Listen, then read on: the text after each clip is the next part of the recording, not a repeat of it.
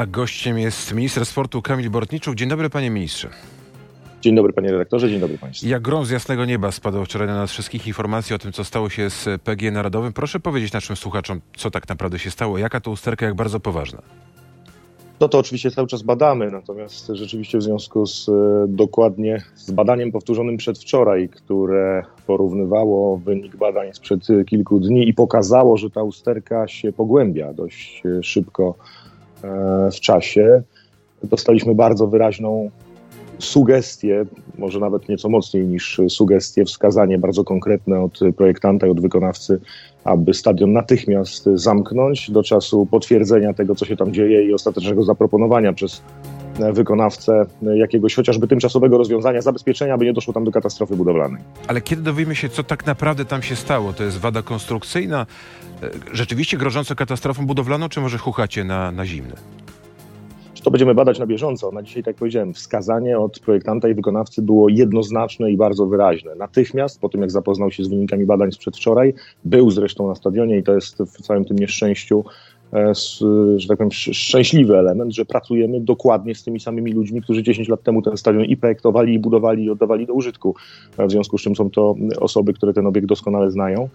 E, i ich wskazanie było bardzo wyraźne. Natychmiast zamknąć, nie wpuszczać tam ludzi, więc jak rozumiem w ich ocenie ryzyko katastrofy budowlanej e, istnieje. Teraz e, cały czas monitorujemy to, co się z, z tym pęknięciem, w tym, to jest potężny element metalowy wielkości samochodu, może nawet większy niż przeciętny samochód osobowy, odlewany indywidualnie na potrzeby tego konkretnego projektu i tego konkretnego, tej konkretnej lokalizacji. W związku z czym, co tam się stało, czy to była jakaś wada materiałowa, która dopiero teraz wyszła na jaw, będziemy badać w dalszych krokach. Teraz skupiamy się na tym, żeby zabezpieczyć e, Stadion Narodowy, żeby tam do tragedii nie doszło. W poniedziałek dostaniemy od wykonawcy i projektanta już konkretną e, ofertę z konkretną propozycją rozwiązania technicznego, jak to zabezpieczyć, tak abyśmy mieli pewność, że ta lina się nie zerwie i nie dojdzie tam do tragedii, e, a później będziemy w następnych krokach myśleć po pierwsze o tym, jak najszybciej doprowadzić do ponownego uruchomienia stadionu, a po drugie na tym, żeby dojść prawdy co do tego, może nie do szukania winnych, ale do szukania przyczyn. No ale, tego, ale, ale, ale pytamy też właśnie, kto jest winien.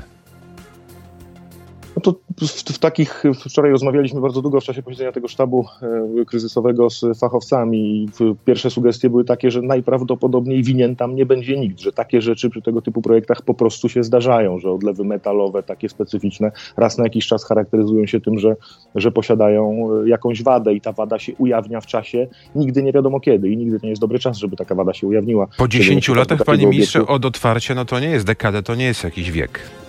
No to prawda, to nie jest dużo i wszyscy wiemy, że stadiony buduje się co do zasady na znacznie dłuższy okres, no ale tak się stało. Ja jakbym miał szukać pozytywów w całej tej sytuacji, to cieszę się, że zadziałały procedury kontrolne, które stosujemy na stadionie i że ten przegląd, e, który odbywa się co najmniej raz w roku, a w tym roku były dwa, bo ja zleciłem e, dodatkowy przegląd właśnie konstrukcji dachu w marcu tego roku, ponieważ kończyła się gwarancja i chciałem przed zakończeniem gwarancji mieć pewność, e, że tam jest wszystko ok i że no nie wydarzy się coś takiego, co się wydarzyło. Jak widać, niektórych rzeczy nie jesteśmy w stanie przewidzieć, ani nawet roztrąbnym działaniem im zapobiec, bo takie rzeczy się po prostu pojawiają. Oczywiście będziemy szukać przyczyn. Nie wiem, czy winnych, bo fachowcy wskazują na to, to nie jest element, na którym się, nie wiem, tańczy, skacze, biega, którego się nadużywa. To jest element, który wisi bardzo wysoko nad ziemią i podlega siłom takim, jakie są przewidziane w projekcie.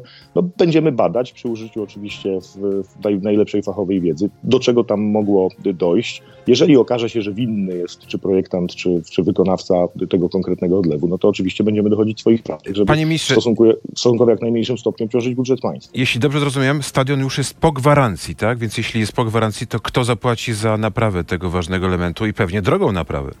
Stadion ma y, gwarancję zróżnicowaną w zależności od tego, jakiej części konstrukcji mówimy. Tutaj mówimy o właśnie konstrukcji stalowej dachu i ta gwarancja skończyła się dokładnie w połowie mm, e, bieżącego roku. Ja tak mówię, bezpośrednio przed zakończeniem tej gwarancji zleciłem przegląd e, te, tych elementów, aby mieć pewność, że one są w dobrym stanie. I dokładnie ta sama firma, stosując te same metody badawcze, zrobiła dokładnie taki sam trwający kilka tygodni przegląd i wówczas jeszcze tej wady na tym elemencie nie stwierdzono. To kto zapłaci teraz za naprawę, tam. panie ministrze? Skarb To państwa? zależy, to zależy od tego, oczywiście w krótkim terminie zrobi to Skarb Państwa, po to, abyśmy nie czekali na jakieś e, ewentualne zakończenie postępowań e, sądowych w tej sprawie, czy rokowań pomiędzy stronami.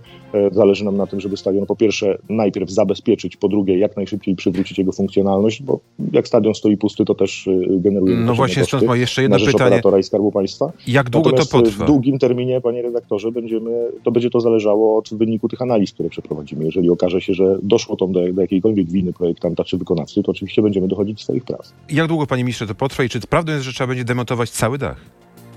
Na dzisiaj nikt tego nie wie, więc jeżeli ktoś mówi, ile to potrwa albo co trzeba będzie zrobić, to najzwyczajniej w świecie kłamie, ponieważ e, tę wiedzę będziemy zdobywać w przeciągu najbliższych dni. Myślę, że mądrzejsi będziemy już w poniedziałek, kiedy spłynie do nas konkretna oferta konkretnego rozwiązania zabezpieczającego tak zwanego bypassu, który przejmie na siebie siły, które dzisiaj obciążają ten element, który jest uszkodzony.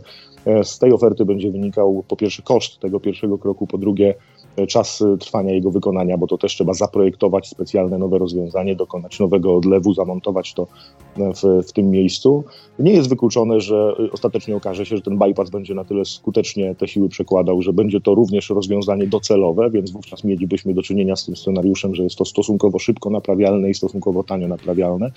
I, i, równie dobrze nie można wykluczyć na dzisiaj scenariusza, że trzeba będzie wykonywać tam znacznie poważniejszych napraw. Dzisiaj nikt jeszcze tego nie wie. Będzie to podlegało e, dokładnym analizom. Cały czas podlega analizom, bo chociażby ta wada jest e, cały czas już e, za pomocą specjalistycznej aparatury e, monitorowana i zmiany w czasie. Tam dochodzi do różnego rodzaju zwiększeń. Czekamy na poniedziałek i w zależności też szczegóły, panie ministrze. A kibice czekają na mecz z Chile. Wiemy już, że on odbędzie się na stadionie Legii, ale Legia jest o jedną drugą mniejsza od stadionu narodowego. Co z tymi, którzy się nie zmieszczą? No tutaj PZPN zdecydował e, moim zdaniem rozsądnie. Wczoraj rozmawialiśmy, bo ten sztab kryzysowy w dużej mierze był poświęcony właśnie tematowi tego meczu. W przypadku takiego obiektu jak Stadion Narodowy to też jest ważne. Zawsze, zawsze jesteśmy w przeddzień czy na kilka dni przed jakąś dużą imprezą, jeżeli nie meczem, to koncertem czy konferencją, bo ten stadion co do zasady żyje. E, w- Więc e, udało się ten mecz w trybie pilnym przenieść e, na, na Legię. Tutaj też duże podziękowania za otwartość i w stronę do PZPN-u, i w stronę PZPN-u, i w stronę operatora stadionu Legii Warszawa. PZPN zdecydował o tym, że wszystkie koszty biletów zostaną zwrócone, a cała akcja sprzedaży biletów powtórzona już na nowy stadion, na nowe miejsca. No w tylko ci kibice, którzy którzy chcieli pójść bilet na na narodowy, na Legii się nie zmieszczą. Połowa No niektórzy, odejdzie z niektórzy, z nich, niektórzy z nich niewątpliwie się nie zmieszczą. Nie jest tak, że połowa, ponieważ y, na dzień y, wystąpienia y, tej awarii, czyli na wczoraj, kiedy informowaliśmy o tym, że to jednak nie będzie Stadion Narodowy, biletów sprzedanych na Narodowy mieliśmy 44 tysiące. Z tego co wiem, na Legię wejdzie 31 bodajże na ten mecz, więc rzeczywiście 13 tysięcy osób, które miały bilet na ten mecz, będzie musiało niestety mówiąc brzydko, obejść się smakiem. Wszyscy dostaną zwrot, akcja sprzedaży biletów zostanie powtórzona już na nowe miejsca, na nowym stadionie. E, No, niestety takie, w- takie, tak, takie sytuacje nieprzewidywalne wymagają podejmowania trudnych decyzji. Ta Panie ministrze, trudna. za minutę przeniesiemy się do internetu, wtedy więcej pytań. Ja jeszcze w radiu zapytam o skład kadry y, na, na mundial. Jest pan zadowolony, czy nie? No, Przede wszystkim będziemy to oceniać e, po wyniku. Nie ma tam wielkich e, zaskoczeń, e, jak dla mnie, ale też byłem w No stałym nie wiem, kontakcie. zabrakło klicha, dla niektórych to jest zaskoczenie. No, ale tutaj trener bardzo rozsądnie tłumaczy, jak, jakie, czy, czym się kieruje, jaką ma taktykę, na jakich pozycjach potrzebuje ewentualnych zastępców w sytuacji, kiedy zdarzyłoby się coś nieprzewidzianego, jakaś kartka w meczu fazy grupowej, czy nie daj Boże kontuzja. Więc no, dla mnie to jest takie konsekwentne i mówiąc potocznie klei się to, co nam przedstawia trener Michniewicz z tymi wyborami personalnymi. No to jakie są nasze szanse? O tym już w internecie na RMF24 i stronie internetowej rmf24.pl. Kamil Dziękuję Bortniczuk bardzo. jest naszym gościem, minister sportu. Dziękuję panie ministrze. Do usłyszenia i zobaczenia za moment w internecie. No to wróćmy do Kataru. Jak pan obstawia, wyjdziemy z grupy, czy nie? Ja jestem z, zawsze optymistą, niezależnie od tego, czy jest to optymizm urzędowy, czy nie. E, Tak, ja wierzę, że wyjdziemy. Ja wierzę rzeczywiście w, tutaj w umiejętności trenera Czesława Michniewicza, po pierwsze polegające na dostosowaniu taktyki do konkretnego przeciwnika, co nie jest tajemnicą, po drugie, co też nie jest tajemnicą, jak analizowalibyśmy chociażby wyniki drużyn prowadzonych przez Czesława Michniewicza w europejskich pucharach, chociażby ostatnio, nie wiem, mecz Legii z Leicester. Czesław Michniewicz lubi grać z silniejszymi przeciwnikami, przynajmniej teoretycznie silniejszymi, takimi, którzy y, są skazani na to, żeby nas atakować, a my możemy wówczas zagrać chociażby tak jak ostatnio Lech z Villarrealem, mądrze się broniąc, wyprowadzając skuteczne kontry i osiągając dobry rezultat ostatecznie. A w naszej grupie mamy z trzech przeciwników, dwóch jest na papierze od nas silniejszych, bo zarówno Meksyk, jak i Argentyna, która jest faworytem naszej grupy. No to spróbujmy się zabawić, jakby Paradoksalnie, paradoksalnie jakby, jakby miał się rzeczywiście zabawić i znając Czesława Michniewicza i jego styl prowadzenia gry, uważam, że możemy wygrać dwa mecze, a w trzecim będzie problem. I powiem coś, co będzie kontrowersyjnego. Uważam, że możemy wygrać mecz z Meksykiem i z Argentyną, a problem będziemy mieli z najsłabszą teoretycznie Arabią Saudyjską, która będzie prezentowała taki styl gry, e, przeciwko jakiemu Czesław Michniewicz e, w mojej ocenie grać nie lubi. Czyli zaskakujący, tak? Czyli taki, że, że przede wszystkim wydaje się, że defensywny i to my będziemy faworytem i to my będziemy musieli prowadzić grę, a wiemy, że wtedy, kiedy my się musimy utrzymywać przy piłce i formować ataki pozycyjne, to wychodzi nam to nieco gorzej niż w sytuacji, kiedy to przeciwnik jest na tak zwanym musiku, kiedy, kiedy przeciwnik jest faworytem, kiedy przeciwnik bierze na siebie ciężar prowadzenia gry, a my możemy wówczas mądrze zagęścić tył, środek pola i wyprowadzać skuteczne kąty, w czym no. specjalizuje się właśnie Czesław Michniewicz i drużyny przez niego prowadzą. Ciekawe, co pan mówi. Ja przypomnę słuchaczom, że pan minister na futbolu się zna, bo sam kiedyś e, w piłkę e, grał i to całkiem skutecznie. Zobaczymy. Przypomnijmy te Panie pana słowa. W Polsce mamy 38, 38 milionów selekcjonerów, szczególnie w takim okresie jak przeddzień, przeddzień Kataru, więc wszyscy się na piłce znają. To prawda. Jeszcze jedno pytanie o Katar, bo są głosy, może nie tak bardzo liczne, ale jednak e, słyszalne, o tym, że nie powinniśmy jechać do Kataru, że powinniśmy zbojkotować te mistrzostwa. Jak pan na nie patrzy? No, z perspektywy y, naszej chociażby walki kilkumiesięcznej z bojkotem e, Rosjan i również tego, co miało miejsce w odniesieniu do Kataru, że udało się coś, co było na początku uznawane za niemożliwe. Doprowadzić do tego, żeby Rosjan skutecznie z tej imprezy i z następnego euro e, wykluczyć, a mieliśmy przecież Rosjan na swojej ścieżce barażowej. No, dzi dzisiaj można byłoby powiedzieć, że byłoby to niezrozumiałe i dla społeczności międzynarodowej, i dla polskich kibiców, gdybyśmy mieli bojkotować Katar z tych powodów, które są podnoszone, czyli z, ze względu na ochronę praw człowieka, wcześniej doprowadzając do eliminacji e, Rosjan skutecznie z tego turnieju. Myślę, że również z perspektywy takich tematów politycznych, politycznych dla nas większą wartością jest to, że na tym turnieju nie ma Rosjan i że również przyłożyliśmy się bardzo mocno do tego.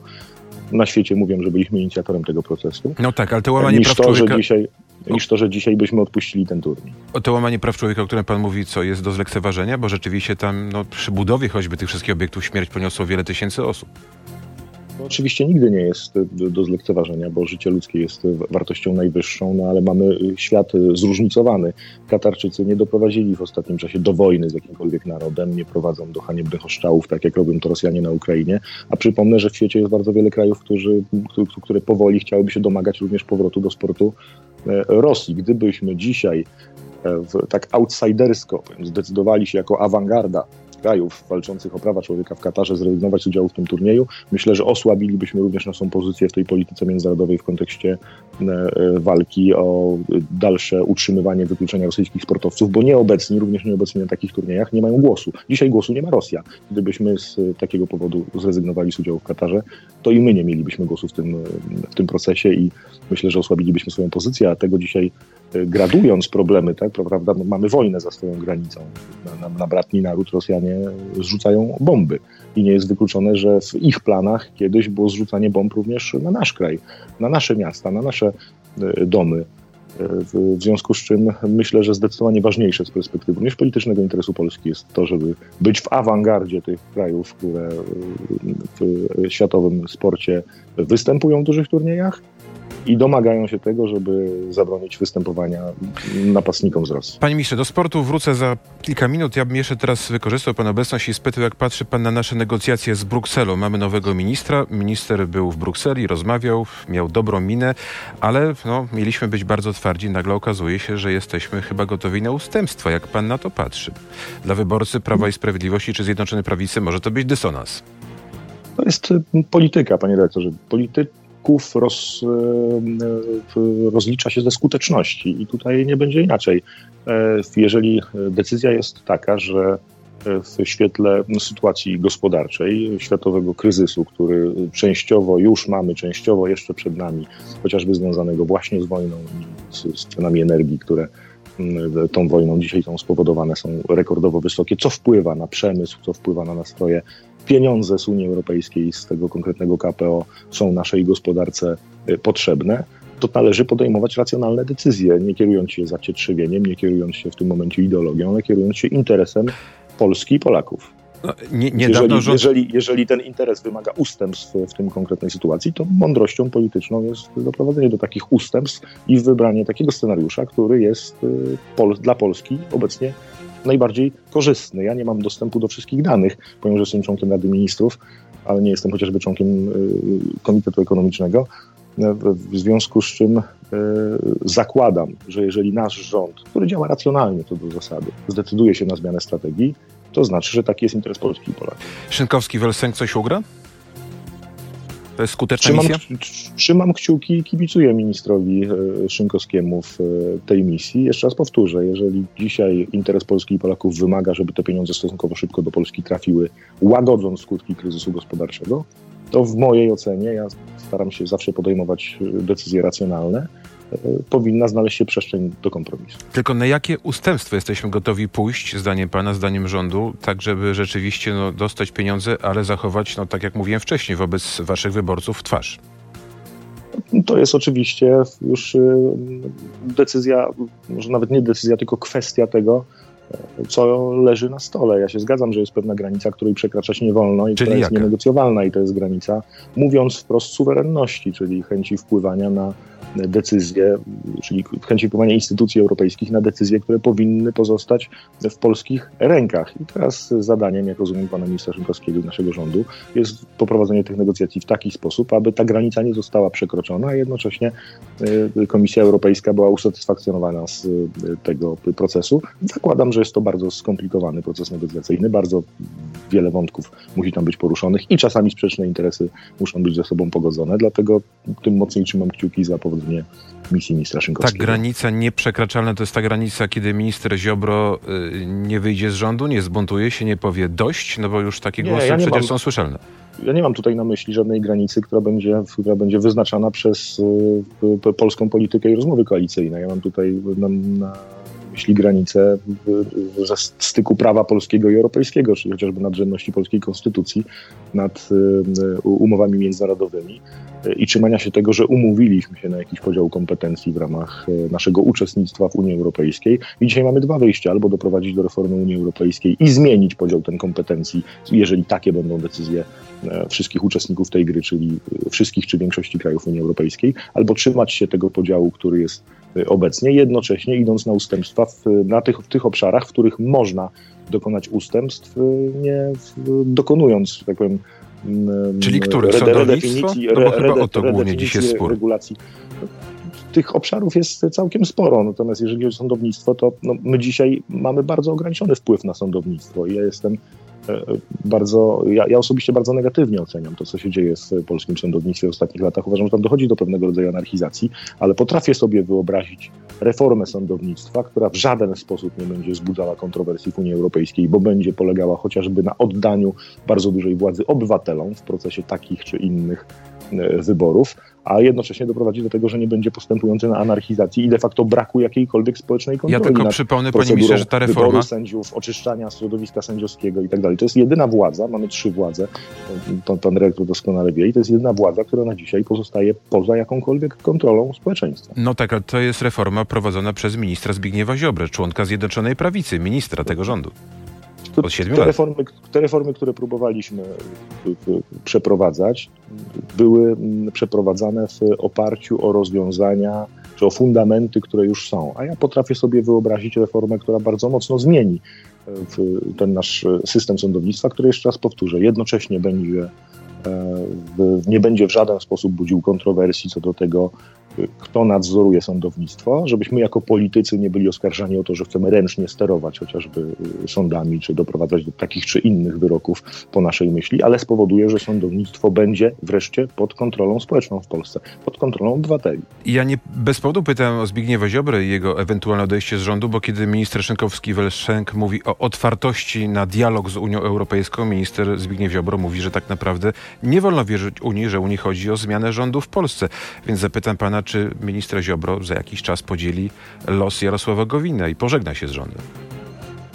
Ja nie mam wiedzy na ten temat, ani też nie jestem członkiem Solidarnej Polski, żeby odpowiadać. E, za ministra Ziobro i jego polityków, e, jakie są ich e, najbliższe plany. Ja wierzę w to, że Zjednoczona Prawica jest wartością. Wierzę w to, że Zjednoczona Prawica do końca tej kadencji dotrwa w niezmienionym składzie i w przyszłym roku w wyborach również jako Zjednoczona Prawica będzie walczyć o trzecią kadencję, o kontynuację dobrych dla Polski rządów, bo to są dobre dla Polski rządy i to potwierdzają wszystkie dane we wszystkich aspektach, niezależnie od tych wszystkich obiektywnych obiektywnych e, trudności, które napotykamy, które napotyka świat, bo przychodzi nam rządzić szczególnie w tej drugiej kadencji w bardzo trudnej rzeczywistości, najpierw COVID-u, e, później wojny. My odpowiadamy na potrzeby, które się pojawiają, na potrzeby, których nikt nie był w stanie przewidzieć, które generują ogromne koszty. Do tego, no żeby, te potrzeby, żeby te potrzeby zaspokajać Myślę, że dzisiaj bardzo przydałyby się środki z Krajowego Planu Odbudowy, środki z Unii Europejskiej. No i teraz jest tylko pytanie, co dzisiaj powinniśmy wyżej ważyć, czy jakąś niechęć do Unii Europejskiej, czy nawet może częściowo świadomość tego, że część elit europejskich, bo tam są różni ludzie, że część elit europejskich nie podziela naszego sposobu patrzenia na rzeczywistość, naszych poglądów i chciałaby doprowadzić do tego, żeby w Polsce władza została zmieniona. Należy rozmawiać może z tą drugą częścią elit europejskich, która bezpośrednich interesów politycznych w Polsce ugrywać nie chce, a chce z nami rozmawiać i doprowadzić do kompromisu, bo w Unii Europejskiej tacy ludzie również są. Mówi pan o trudnościach i finansach. Ja zapytam o to, co nas może czekać w przyszłym roku w kontekście pana resortu, bo nie jest już tajemnicą, że i pan premier Morawiecki i prezes Jarosław Kaczyński mówią, że trzeba szukać oszczędności we wszystkich obszarach, także i w rządzie, w ministerstwach. Czy pan planuje jakieś cięcie wydatków w swoim resorcie w przyszłym roku? Na dzisiaj żadnych, y, żadnych oficjalnych decyzji jeszcze w, w, nie, nie, nie, otrzymaliśmy, czy nie podjęliśmy jako Rada Ministrów w tym zakresie. Oczywiście, jeżeli będzie taka potrzeba, a być może jest to również związane chociażby z powodzeniem negocjacji z Unią Europejską, e, to ja zachowam się solidarnie z innymi ministrami, jeżeli będzie decyzja o tym, że trzeba wprowadzić jakieś procentowe cięcia w odniesieniu do e, projektu budżetu, który przyjęliśmy jako Rada Ministrów i który też już e, przeszedł przez Sejm, należy dokonywać, to, to będziemy ich solidarnie dokonywać. Na dzisiaj pracujemy na projekcie budżetu, który, tak jak mówiłem, przez Radę Ministrów i przez Sejm został przyjęty i to jest budżet absolutnie rekordowy. Panie rekordowy w historii sportu, panie, panie redaktorze. Mamy rok do roku ponad dwukrotny wzrost budżetu z niespełna 2 y, miliardów, miliarda 600 z projektu na rok 2022. Mamy 3,5 miliarda na rok 2023. Myślę, że w historii III Rzeczypospolitej nie było przypadku żadnego resortu tak czy y, ustawa, wielkiego wzrostu w ujęciu rok do roku. Czy ustawa abolicyjna dotycząca wyborów kopertowych, wyborów, y, którym pan ugrupowanie ówczesne, czyli porozumienie się sprzeciwiało, wróci do Sejmu? Jeśli tak, to kiedy i w jakiej formie? Ja jestem zwolennikiem tego, aby wróciło. Wiem, że to jest może nieoryginalny pogląd, ale y, chyba też trochę więcej na ten temat wiem. No tutaj mamy do czynienia właśnie z, z, pewnego rodzaju, z jednym z aktów anarchizacji w polskich sądach, o których mówiłem. Polskie sądy zupełnie poza kodeksem postępowania karnego E, dopuszczają obok prokuratury jako oskarżycieli watchdogi, organizacje społeczne i na podstawie doniesień złożonych przez te organizacje wszczynają postępowania. Było już kilka takich e, przypadków, niezależnie od tego, że prokuratura miała zupełnie inne zdanie i prokuratura od, odmówiła, w, w, czy wszczęcia postępowania, czy jeżeli wszczęła postępowanie, to odmówiła. Czyli ustawa jest zasadna, ale nie wie pan, kiedy wróci, w jakiej formie, tak, do Sejmu? Ustawa moim zdaniem jest zasadna, nie mam wiedzy y, na ten temat, kiedy i w jakiej formie wróci. Uważam, że jest potrzebna, ponieważ y, y, samorządowcy, którzy realizowali wówczas polecenia polskiego rządu, działali w prawie i działali na rzecz realizacji konstytucyjnego obowiązku przeprowadzenia wyborów. No to ostatnie moje pytanie, trochę sportowe, trochę prawne. Ochroniarz, no głównie Roberta Lewandowskiego, ale zatrudniony przez PZPN, bardzo kontrowersyjna osoba e, o bardzo kontrowersyjnych poglądach. Czy mm, pana resort przyjrzy się jakoś tej sprawie? Będzie interweniował? My mamy narzędzi, my mamy narzędzi do tego, żeby przyglądać się temu, co się dzieje bezpośrednio w związkach sportowych. To są nasi partnerzy w realizacji tej sportowej misji. Ja mogę kontrolować tylko te wydatki, które sam finansuję w ramach e, związków sportowych. E, te sprawy znam z doniesień medialnych ja też uważam, że każdy y, zasługuje na drugą szansę i że jeżeli ktoś nie ma y, zarzutów postawionych, nie ma wyroku za rzeczy, które działy się 20 czy 30 lat temu, niezależnie od tego, że wtedy mógł być głupi i robić głupoty, bo rzeczywiście te zdjęcia pokazują, że ten ktoś po prostu w tym okresie był człowiekiem głupim, bezrefleksyjnym, wyznającym wartości, pod którymi w żaden sposób nie jesteśmy w stanie się podpisać. Ale pytanie, czy ta osoba do końca życia ma ponosić konsekwencje y, takiego jednego czy innego zdjęcia, czy jeżeli dzisiaj zmądrzała i wprost mówi, że w żaden sposób nie podziela tych wartości, które wtedy w okresie jakiegoś tam nasto, bycia nastolatkiem w sposób y, głupi dawała się fotografować czy, czy wspierać, no to jest pytanie, czy rzeczywiście powinniśmy przez, do, do końca życia za sprawę przed 20 lat temu człowiekowi suszyć głowę i zamykać jakiekolwiek ścieżki rozwoju czy pracy zawodowej. Kamil Bortniczuk, minister sportu. Dziękuję panie ministrze za spotkanie z naszymi słuchaczami. Dobrego, spokojnego dnia. Do Bardzo dziękuję. Wzajemnie panie dyrektorze.